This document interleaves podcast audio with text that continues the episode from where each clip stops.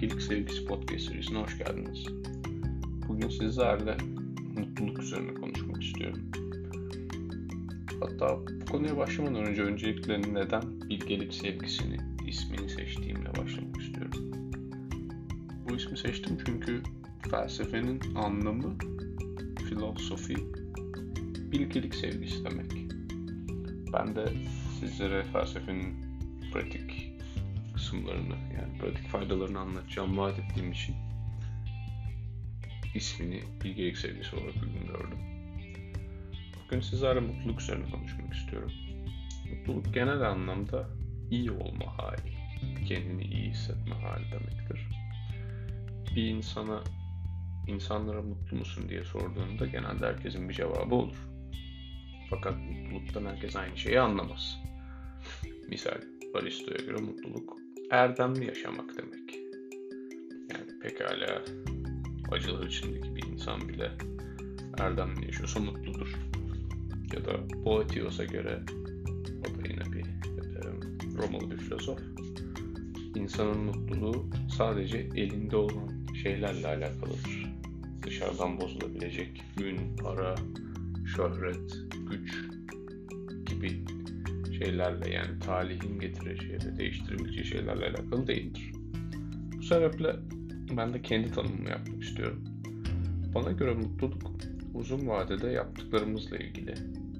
Sahip olduklarımızdan ziyade sahip olduklarımızla ne kadar yetindiğimizle ilgili bir şey.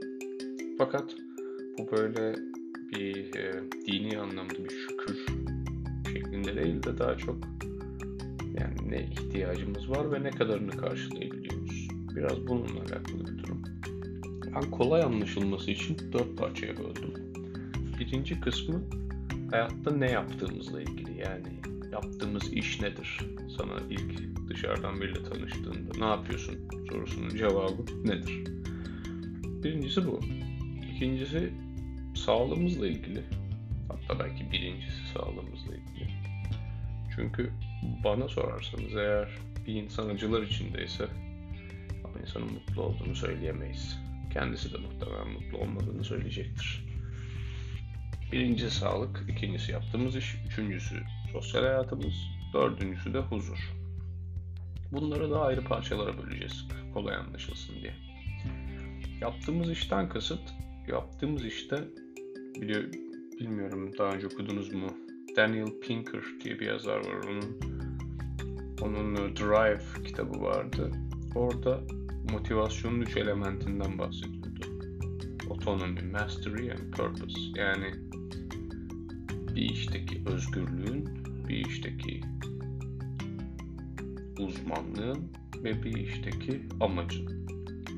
Tabii öncelikle bu işin de sana yeteri kadar yani ihtiyaçlarını karşılayacağın kadar bir gelir getirmesi lazım.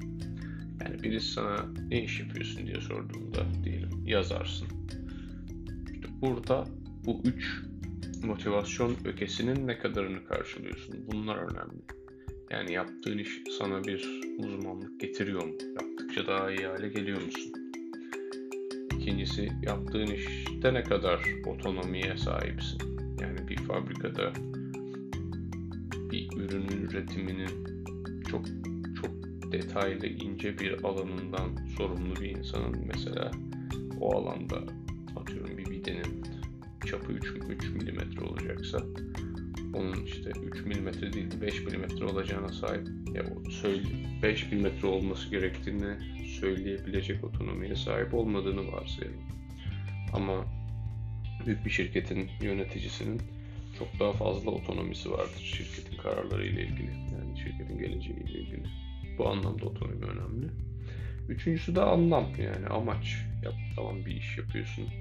Belki daha iyi gidiyorsun. Belki otonomin de var ama ne için yapıyorsun? Çünkü motivasyonun ana kaynağı zaten amaçtır. Kendine neden diye sorarsın. Ve bu sorunun cevabı genelde motivasyonunu belirler. Eğer hakikaten bir sebebin varsa o zaman motive olarak yaparsın. Yani iş kısmında bunları içermesi lazım. Ne dedik? Toparlarsak yeterli gelir. Uzmanlık sağlaması, özgürlük sağlaması ve bir amaca sahip olması. yaptığınız iş bunlarla ilgili ise genellikle yani yaptığınız iş bunları karşılıyorsa genellikle tatmin olursunuz yaptığınız işten dolayı. Bu da mutluluğunuzun bence bunu bir dört ayaklı bir masaya benzetirsek birinci ayağı budur. Sağlık ayağına gelelim. Sağlık ayağında ben üçe böldüm bunu. Ee, aslında sürdürmesi eğer genetik olarak çok şanssız değilseniz en kolayı da bu. Uyku, spor ve beslenme. Bence sağlık bunların üçünün toplamından oluşur. Uykuyu en başa yazdım çünkü en kritik olan uyku. Geçenlerde bir kitap okumuştum Why We Sleep yani neden uyuruz diye Matthew Walker'ın. Kitapta kitapta bahsediyordu. Bir insanı mesela yiyeceksiz bırakırsan, uykusuz bırakırsan, susuz bırakırsan vesaire böyle en temel ihtiyaçlarının olmadığı durumlarda bırakırsan en kötü etkiyi genelde uykusuzluk sağlıyordu tabii kısa vadede. Mesela bir gün içinde susuz, uykusuz, yiyeceksiz kalmakta hangisini tercih edersin? Vücuda en kötü etkiyi yaratan uykusuz olmak oluyor. Fakat uzun vadede su daha tabii önemli tabii. 3 gün önce yaşayabiliyor insanlar su içmeden. Ve bu mevzuda yani bana sorarsanız ben de yine uykuyu seçerim. Ama tabii uzun vadede uzun vadede su uykudan daha mühim bir şey. Çünkü 3 gün içinde insanı öldürüyor. Aman evde denemeyin. Ee, uyku şöyle önemli. Günlük 7 ila 9 saat arası insanların, yetişkin bir insanın bu kadar ihtiyacı var. Çocuklara daha fazla hatta yeni doğmuş çocuğunuz varsa bilirsiniz. Günün bazen 20 saatini uyuyarak geçirir. Tabii yaşlandıkça bu uyku ihtiyacı 7-9 saate kadar düşüyor. Belli bir yerden sonra da beyin artık o kadar fazla uyuyamamaya başlıyor tek seferde. O yüzden yaşlılar aralıklı uyurlar. Yaşlı anneanne babaanneniz varsa bilirsiniz. Böyle kuş gibi bir şey izlerken uyuyakalırlar. Çünkü geceleri tek seferde 7-9 saat uyuyamamaya başlıyorlar. Yani beyin o özelliğini kaybediyor. O yüzden de onların misal iki parçada, üç parçada o süreyi tamamlamaları gerekiyor. Uyku çok mühim. Bütün metabolizmadaki yani ne deniyor bu? Detoxification yani zehirden arınma kısımları, onarım, yapım onarım kısımları, hastalıklarla mücadele vesaire bunlar en verimli uykuda yapılıyor. O sebeple uykunuzu almadığınız günleri verimli geçirmeniz mümkün değil. Ben hayatımın bir kısmını asker olarak geçirdim. Bir kısmını mühendis olarak geçirdim. Asker olarak geçirdiğim kısımda genel anlamda uyku düzenim çok düzensizdi çünkü sürekli geceleri vesaire nöbetler oluyordu, operasyonlar oluyordu vesaire. Şimdi mühendis olarak çok daha düzenli bir hayatım var ve bu ikisi arasındaki farkı çok net görebiliyorum. Yani uykunun düzene sahip olmasıyla düzenin olmaması arasında günlük günlük bir şekilde yani günlük enerji seviyesi açısından ne kadar büyük farklar olduğunu çok net bir şekilde görüyorum. Uyku üzerine ayrı bir kayıt yapacağım. Sadece şimdilik ana temalardan biri olarak sağlığın bir parçası olarak bahsetmek istedim. İkincisi spor. Pek çok araştırma gösteriyor ki haftada yaklaşık 2 ila 3 saat arası insanların spor yapması gerekiyor. Aktif hareket etmesi gerekiyor. Yani kalp atışının hızlanması gerekiyor. Ben bununla ilgili kendi açımdan fitness ve dans yapıyorum. Ama tabii masa tenisi de spor, satranç da spor. Yani önemli olan bir aktivite yapmanız. Bir, özellikle de fiziksel olarak organlarınızı kullanacağınız bir aktivite yapmanız çok önemli. Bana sorarsanız her gün hatta en, en kötü ihtimalle gün aşırı aktif şeyler yapmanız sağlığınız için yapabilecek en iyi şeylerden biridir diye düşünüyorum. Üçüncü, üçüncü sırada beslenme geliyor. Beslenmede de ne kadar az işlenmiş ürün yerseniz, ne kadar sebze ağırlıklı beslenirseniz, tabi sebze, meyve, et, tohum ürünleri yerseniz o kadar iyi. Ama ne kadar kızartmalar, ne kadar böyle işlenmiş ekmek gibi ürünler yerseniz o kadar kötü. Çünkü bunlar genelde şeker ağırlıklı ürünler oluyorlar. Ve bu da pek yani metabolizmanız açısından iyi sonuçlar yaratmıyor. Çünkü karaciğerde depolanmaları oluyor. Ve pek dediğim gibi sağlık açısından sorunlu şeker ağırlıklı beslenmek. Dediğim gibi bunların hepsine ayrı ayrı geleceğiz. Üçüncü aşamada sosyal hayat geliyor. Sosyal hayatı da ben yine dörde böldüm. Birincisi en yakın çevreniz yani varsa eşiniz, sevgiliniz, anne babanız böyle bu işte günlük görüştüğünüz insanlarla aranız nasıl? En yakın çevreniz. Bir insanı her gün görüyorsan çok yakın çevrendedir. Bunlarla aran nasıl?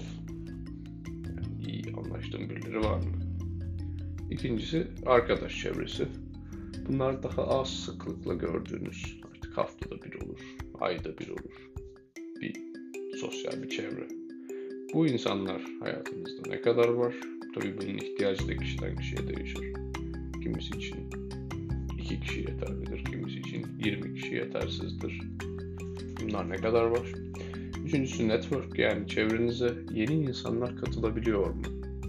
Bu arkadaş ve yakın çevreye yeni insanlar girip çıkabiliyor mu? Onun kaynağıdır network. Bu ne durumda? Yani çok stabil. Hani bir köyde bir bakkal işletiyorsanız genelde network'ünüz çok kısıtlıdır. Ama uluslararası bir şirkette yöneticiyseniz genelde sürekli yeni insanlarla tanışırsınız. Bu network'ünüz nasıl gidiyor? Bunun da genelde hareketli olması insanı mutlu eder. Uzun vadede. Dördüncüsü hobiler. Yani hobilerden kasıt iş dışında, para kazanmak dışında neler yapıyorsunuz? Arkadaşlarla görüşmek dışında. Yani benim açımdan bu genelde spor, e, benim açımdan bu genelde danstır, gitardır, her, her insanın farklı hobileri var ve olması çok iyi bir şey bence. Bunlar sosyal hayatı oluşturan bacaklar. Yani ne dedik? Yakın çevre, arkadaşlar, network ve hobiler. Bunlar sizin sosyal hayatınızı oluşturuyor. Dördüncü ve son bacak huzur bacağı. Bence bunu tabi bu benim orijinal fikrim değil. Naval Ravikant diye bir e, girişimci var ondan öğrenmiştim. Huzur ve mutluluk birbirine dönüştürülebilir kavramlar. Yani bir insan o şey diyordu. Huzur mutluluğun durağan hali, mutluluk huzurun harekete geçmiş hali diye çeviriyordu. Yani misal bir insan eğer huzurluysa arkadaşları halı saha çağırdığında halı sahada da mutlu olur. Ama ya da genel olarak iş hayatında diyelim mutlu bir insan genelde kendi başına kaldığında huzurlu olur. Bu huzur ve mutluluk birbirine dönüştürülebilen kavramlardır. Peki huzur nasıl gelir?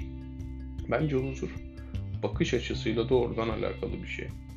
Mindset denilen etrafa nasıl görüyorsun, çevreyi nasıl algılıyorsun. Bununla çok alakalı bir şey. Fakat bu böyle kendi kendine gelen bir şey değil. Ben bir insanın genetik olarak belki huzura yatkınlığı vardır yoktur onu bilmiyorum ama bu sonradan edinilen bir beceri olduğunu düşünüyorum. Yani çocuklar mesela huzurlu değildir. Hep hareket halindedirler, aceleleri vardır. Ama yaşlı insanlar daha huzurlu olmaya meyillidir. Yani yaşta da aslında öğrenilebilen bir yapısı var bu huzurun. Ben bunu da üç parçaya böldüm. Birincisi dediğim gibi huzurlu, hayata pozitif bakabilme bakış açısı. Yani rational optimism diye de çevrilebilir bu. Yani geleceğe optimist bakmak, ve rasyonel bakmak. Bence bunda önemli. İkincisi, ikincisi meditasyon alışkanlığı. Bence bu da kritik. Yani meditasyon genelde oturup hiçbir şey yapmamak olarak tanımlayabiliriz. Yani tabii bin bir çeşidi var. Herkese özgü, herkesin seveceği farklı farklı çeşitleri var ama bana sorarsanız en kısa tanımı oturup hiçbir şey yapmamak. Bu, eğer bu alışkanlığa sahipseniz hayatınız daha huzurlu oluyor. Çünkü hiçbir şey yapmadığınız anlarda beyin kendi üzerine düşünme fırsatı buluyor. Fikirler üzerine düşünme fırsatı buluyor. Bu çok insanı rahatlatan bir şey gerçekten. Denemediyseniz tavsiye ederim. 10% Happier diye bir kitap var orada. ayrıntılı anlatıyordu nasıl yapılacağı. Bin bir çeşit YouTube'dan artık bulamayacağınız şey. Oradan da bakabilirsiniz. Ben çok faydasını gördüm. İkincisi, üçüncüsü daha doğrusu problem çözme becerisi. Yani insanın genelde problem çözme becerisi varsa huzuru da artıyor. Çünkü huzuru bozan şey genelde problemlerdir.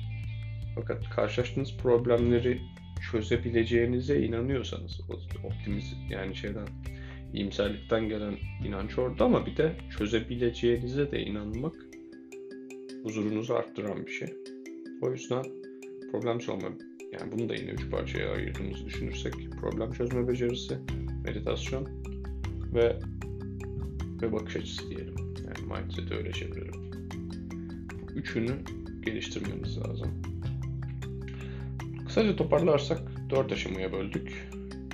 İşiniz, sağlığınız, sosyal hayatınız ve huzurunuz. Bunlar sizin genel anlamda mutluluğunuzu doğrudan etkileyen şeyler. Ve dediğim gibi yani ben son iki yılda çok mutlu bir hayat inşa ettim kendime. Bu dört bacağı da sağlayan bir hayat inşa ettim. Ve ben ve bu ve ben e, mutluluğun her türlü hayat içinde inşa edilebileceğini düşünüyorum. Yani nasıl bir hayat yaşıyor olursan ol hep daha mutlu olabilirsin. Daha huzurlu olabilirsin. Daha sağlıklı olabilirsin. Sağlığınla ilgili bir şeyler yapabilirsin. Sosyal hayatınla ilgili de bir şeyler yapabilirsin. Bu dediğim gibi dört bacak gibi düşünün bunu. Masanın dengede tutması lazım. Herhangi bir tarafı aksarsa mutluluğunuz bozulacaktır diye düşünüyorum. Beni dinlediğiniz için teşekkür ederim. Daha fazla uzatmak istemiyorum. İlk bölümden sizi sıkmak istemem. Bu tip e, konularla ilgili fikirlerimi paylaşmaya devam edeceğim. Takipte kalın. Hoşçakalın.